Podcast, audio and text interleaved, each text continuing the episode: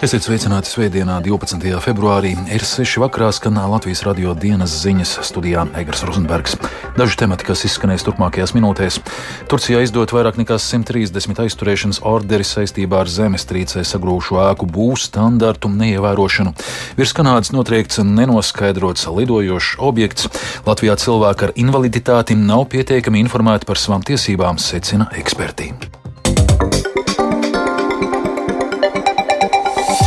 Bojāgājušo skaits Turcijas un Sīrijas zemestrīcē pārsniedzis jau 33 tūkstošus. Šis skaitlis varētu vēl dubultoties. Apvienoto Nāciju organizācija atzīst, ka tā nav spējusi sniegt saulēcīgu palīdzību Sīrijas iedzīvotājiem, kuri dzīvo nemiernieku kontrolētajos reģionos valsts ziemeļos. Saulēcīgas palīdzības trūkst arī daudz viet Turcijā, kas sanikno vietējos iedzīvotājus. Jaunāko informāciju apkopojas mūsu Briseles korespondents Arķoms Konhaus. Turcijā un Sīrijā turpinās glābšanas darbi. Kaut gan šobrīd, gandrīz nedēļu pēc zemestrīces, cerība atrast izdzīvojušos ir diezgan neliela, tas joprojām ik pa laikam notiek. Tā spāņu glābēji ir spējuši izlist no grovašiem dzīvus māti un viņas divus mazgadīgos bērnus. Viņi pavadīja sešas dienas zem savas mājas drupām. Tomēr Hatejas pilsētā vietējie iedzīvotāji Portugāles sabiedriskā radio un televīzijas žurnālistiem sūdzās par savlaicīga atbalsta trūkumu. Neviens neatnāca mums palīdzēt, tikai es vienatnē mēģināju kaut ko darīt. Es vienatnē nevarēju izvilkt savu meitu.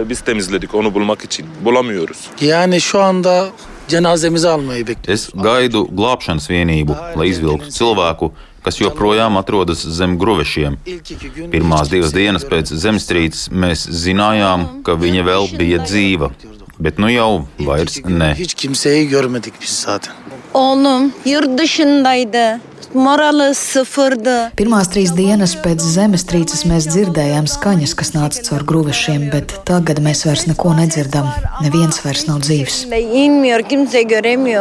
Hatai ir viena no pilsētām, ko ir vissmagāk skārusi pirmdienas zemestrīce. Turcijas tiesību sargājošās iestādes ir nolēmušas arestēt 133 cilvēkus aizdomās par dažādiem pārkāpumiem ēku celtniecībā. Aptuveni desmit personas jau ir sagūstītas. Starp viņiem ir dažādu celtniecības uzņēmumu pārstāvji un citi speciālisti. Turcijā arvien skaļāk izskan pārmetumi, ka korupcijas un peļņas dēļ daudz dzīvokļu nami bieži vien netiek celta saskaņā ar noteikumiem. Tomēr ir arī tie, kas saka, ka ar šiem arestiem Turcijas valdība mēģina novirzīt uzmanību no savām neizdarībām. Arčuns Konakos Latvijas Rādio Briselē. Virs Kanādas notriekts pagaidām nenoskaidrots lidojošs objekts. Pēc Kanādas premjera Justina Trudeau rīkojuma to paveicis ASV iznīcinātājs. Tagad varas iestādes mēģina atrast šo objektu, lai to izpētītu.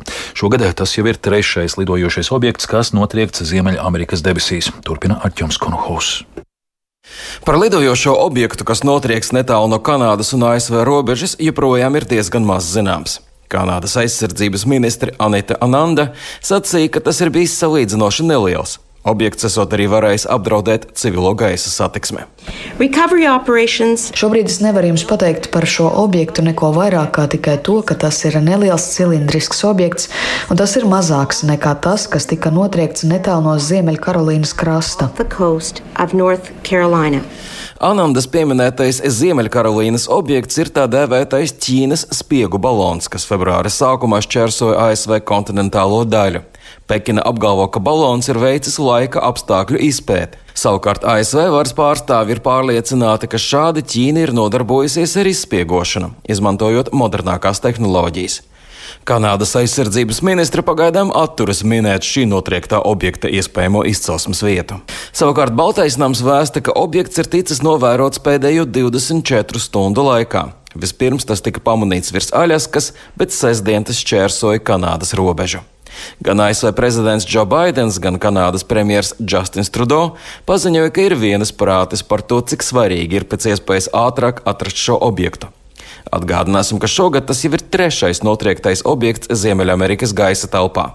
Papildus šim un Ziemeļkarolīnas gadījumam, februārī tika notriekts vēl viens objekts virs Aļaskas. Tas esot lidojis lielā augstumā un ir bijis nelielas automašīnas izmērā. Par šo objektu nav daudz publiskas informācijas. Nedēļas vidū ASV vadība paziņoja, ka spiegošanas baloni ir daļa no Ķīnas jaunās taktikas un ka tāda varētu lidot virs pieciem kontinentiem. Arī NATO amatpersonas ir paudušas satraukumu par situācijas attīstību. Arčuns Kanahas Latvijas Rādio Briselē. Ukrainā veido uzbrukuma gvardi Krievijas okupēto teritoriju atbrīvošanai, un iestāties tajā pieteikušies jau vairāk nekā 20 tūkstoši cilvēku. Par to telemaratona ēterā informējas Ukrainas Nacionālās gvardes pārstāvis Ruslans Muzičuks.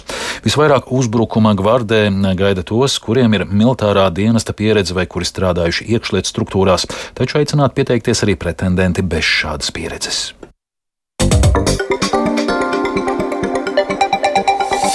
Latvijas piena ražotāji gatavi īstenot plašus protestus, ja martā piena cena pietuvosies kritiskajam līmenim, kas ir 25 centi par litru. Lauksaimniecības statūts sabiedrību asociācijā norāda, ka zemnieki ir gatavi gan boikotēt veikalus, gan izliet piena cisternas pie valdības nama, lai krīzē nonākušo piena nozari valdībā sadzirdētu. Dalību protestos plāno vairākas organizācijas, tostarp Latvijas Zemnieku federācija, apstiprina tās valdes priekšsēdētāja Agita Hauka. Mēs saprotam, ka tā valdība jau to piena krīzi nav izraisījusi, bet lūksim valdībai palīdzēt saglabāt tos ganāmpulkus, jo, ko nozīmē ganāmpulku likvidēt. Tas nav tik vienkārši atgūstams, un tāpēc mums par to piena nozari ir jāparūpējās un jāsaglabā šīs saimniecības, kas šo pienu ražo, un, protams, arī tas, kad pārstrāde var tā viennozīmīgi nomest to cenu, ka zemnieks kā paliek tikai ar darba prieku. Tā kā zem cenas jau nu nedrīkstētu strādāt, un tur arī varbūt valdība var kādu regulējumu saprast un izdomāt. Tā kā, ja cenas kritīs, tad, protams, zemnieks savu nostāju parādīs. Ko viņam citu darīt? Viņam ir jāiet ielās. Cilvēki ar invaliditāti nav pietiekami informēti par savām tiesībām, secina eksperti.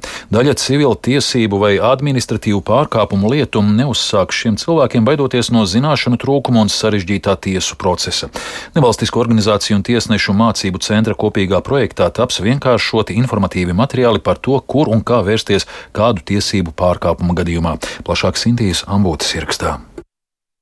Invalīdu un viņu draugu apvienības apērons rīkotās domnīcās apkopot informāciju par to, kā cilvēki ar invaliditāti izprot savas tiesības un vai vēršas arī tiesā, lai tās aizstāvētu.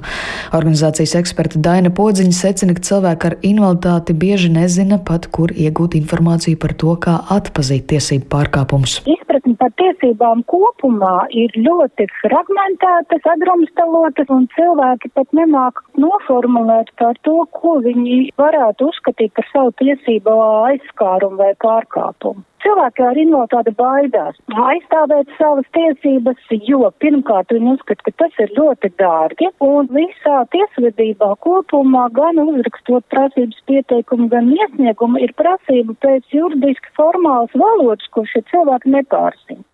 Cilvēki ar invaliditāti domnīcās vairāk akcentējuši iespējamus cilvēktiesību un administratīvus pārkāpumus. Podziņa norāda, ka ar tiesību pārkāpumiem saskars gan cilvēki ar redzes traucējumiem, gan intelektuālās attīstības traucējumiem traucējumiem, gan arī ar kustību traucējumiem. Pirmkārt, ļoti daudz cilvēku interesējās par to, kā varētu pārsūdzēt un apstrīdēt uh, lēmums, kas ir saistīti ar uh, pakalpojumu vai pabalstu piešķiršanu pašvaldībās un arī valsts un invaliditātes noteikšanu vai atjaunošanu. Diskusijās piedalījās arī tiesnešu mācību centrs, kuru pārstāv Elīna Mikjānska piekrīt, ka šobrīd pietrūkst vienopus pieejama, vienkārši izlasām un saprotama informācija par to, kā savas tiesības aizstāvēt, kurās iestādēs vērsties un kā sagatavoties dodoties uz tām. Projektā Universālais dizains cilvēktiesību ievērošanā tuvāko divu gadu laikā plānots izveidot informatīvus materiālus personu ar invaliditāti nevalstiskajām organizācijām, kā arī plānots veidot vadlīnijas tiesu darbiniekiem par to, kā labāk nodrošināt tiesu pieejamību arī personām ar invaliditāti. Sinti Ambote, Latvijas radio. Latvijas sieviešu basketbola izlase šobrīd Zviedrijā pret vietējo komandu aizvada Eiropas čempionāta kvalifikācijas pēdējo spēli. Daudz atbildīgu startu šodien latviešiem bijis dažādos ziemas sporta veidos. Par visu vairāk jau tūlīt pastāstīs kolēģis Mārtiņš Kļavinieks. Sveiks! Sveiks, Aigar, un sveicināt arī klausītāji. Sieviešu basketbola izlase pat labā Stokholmā spēlē pret zviedrietēm. Kāds šobrīd, kāds šobrīd ir rezultāts un kā līdz šim ritējusi spēle?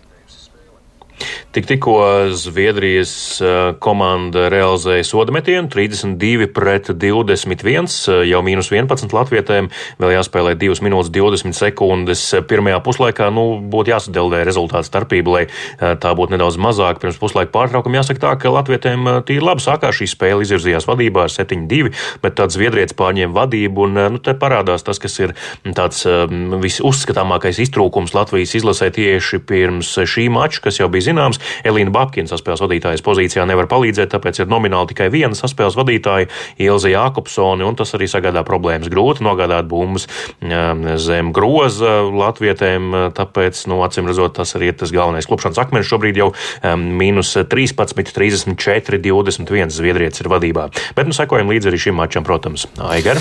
Jā, kā mūsu sportistiem šodien veicies dažādās ziemas sacensībās Eiropā? Jā, tur bija interesanti notikumi. Biatlonistam Andrejam Rastrogojevam beig beigās pietiekami atzīstams, pat ļoti atzīstams rezultāts iedzīšanā. Pasaules, kaus, pasaules čempionātā Biatlonā 12,5 km. 9. vieta. Viņš izcīnīja 9. vietu. Pirmajā šaušanā tika pie viena soda apļu, otrajā aizvēra visus mērķus, bet starp otro un trešo šaušanu viņš atradās 9. vietā, bet trasē nokrita pat um, iešļūts žogā, ja mēs to tā varam tautas valodā raksturot. Varat arī tīmeklī atrast video, kā tas izskatās. Andrejs nokrita uz desmito vietu, tad nopelnīja vēl vienu sodu apli trešajā šaušanā. Ceturtajā ugunslīnijā bija nekļūdīgs, tāpēc spēja saglabāt devīto vietu un atzīstams starts Andrejam.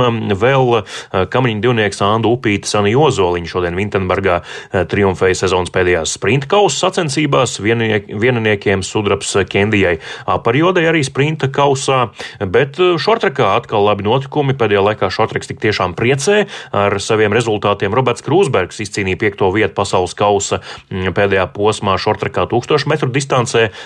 Pirms tam viņš eh, šajā pašā distancē pirmajās sacensībās izcīnīja bronzas medaļu.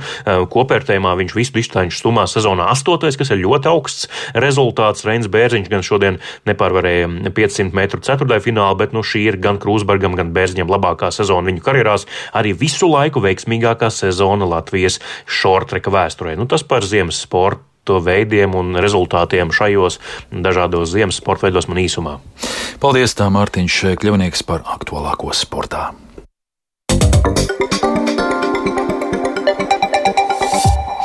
Sērvēsts 69 gadu vecumā mūžībā devies režisors un aktieru meistarības pasniedzējs Mihails Grusdovs. Gandrīz 20 gadus viņš bijis Latvijas kultūras akadēmijas docents, aktieru meistarības pedagogs, kā arī maģistrantūras režijas meistarības docētājs.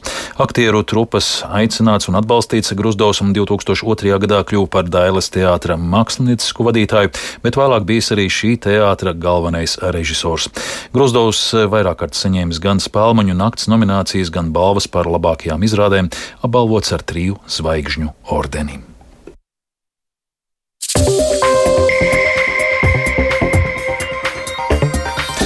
Izskan Latvijas radio dienas ziņas producents Edgars Kupčs, ierakstus montēja Renārs Šteimanis, par labskaņu rūpējās Mārtiņš Paeglis, studijā Egars Rozenbergs. Vēlreiz īsumā par svarīgāko. Turcijā izdoti vairāk nekā 130 aizturēšanas orderi saistībā ar zemestrīcē sagrūšo ēku būvs standartu neievērošanu. Virs Kanādas notriekts nenoskaidrots lidojošs objekts. Latvijā cilvēki ar invaliditāti nav pietiekami informēti par savām tiesībām. Tos secinājuši eksperti. Un vēl par laika apstākļiem.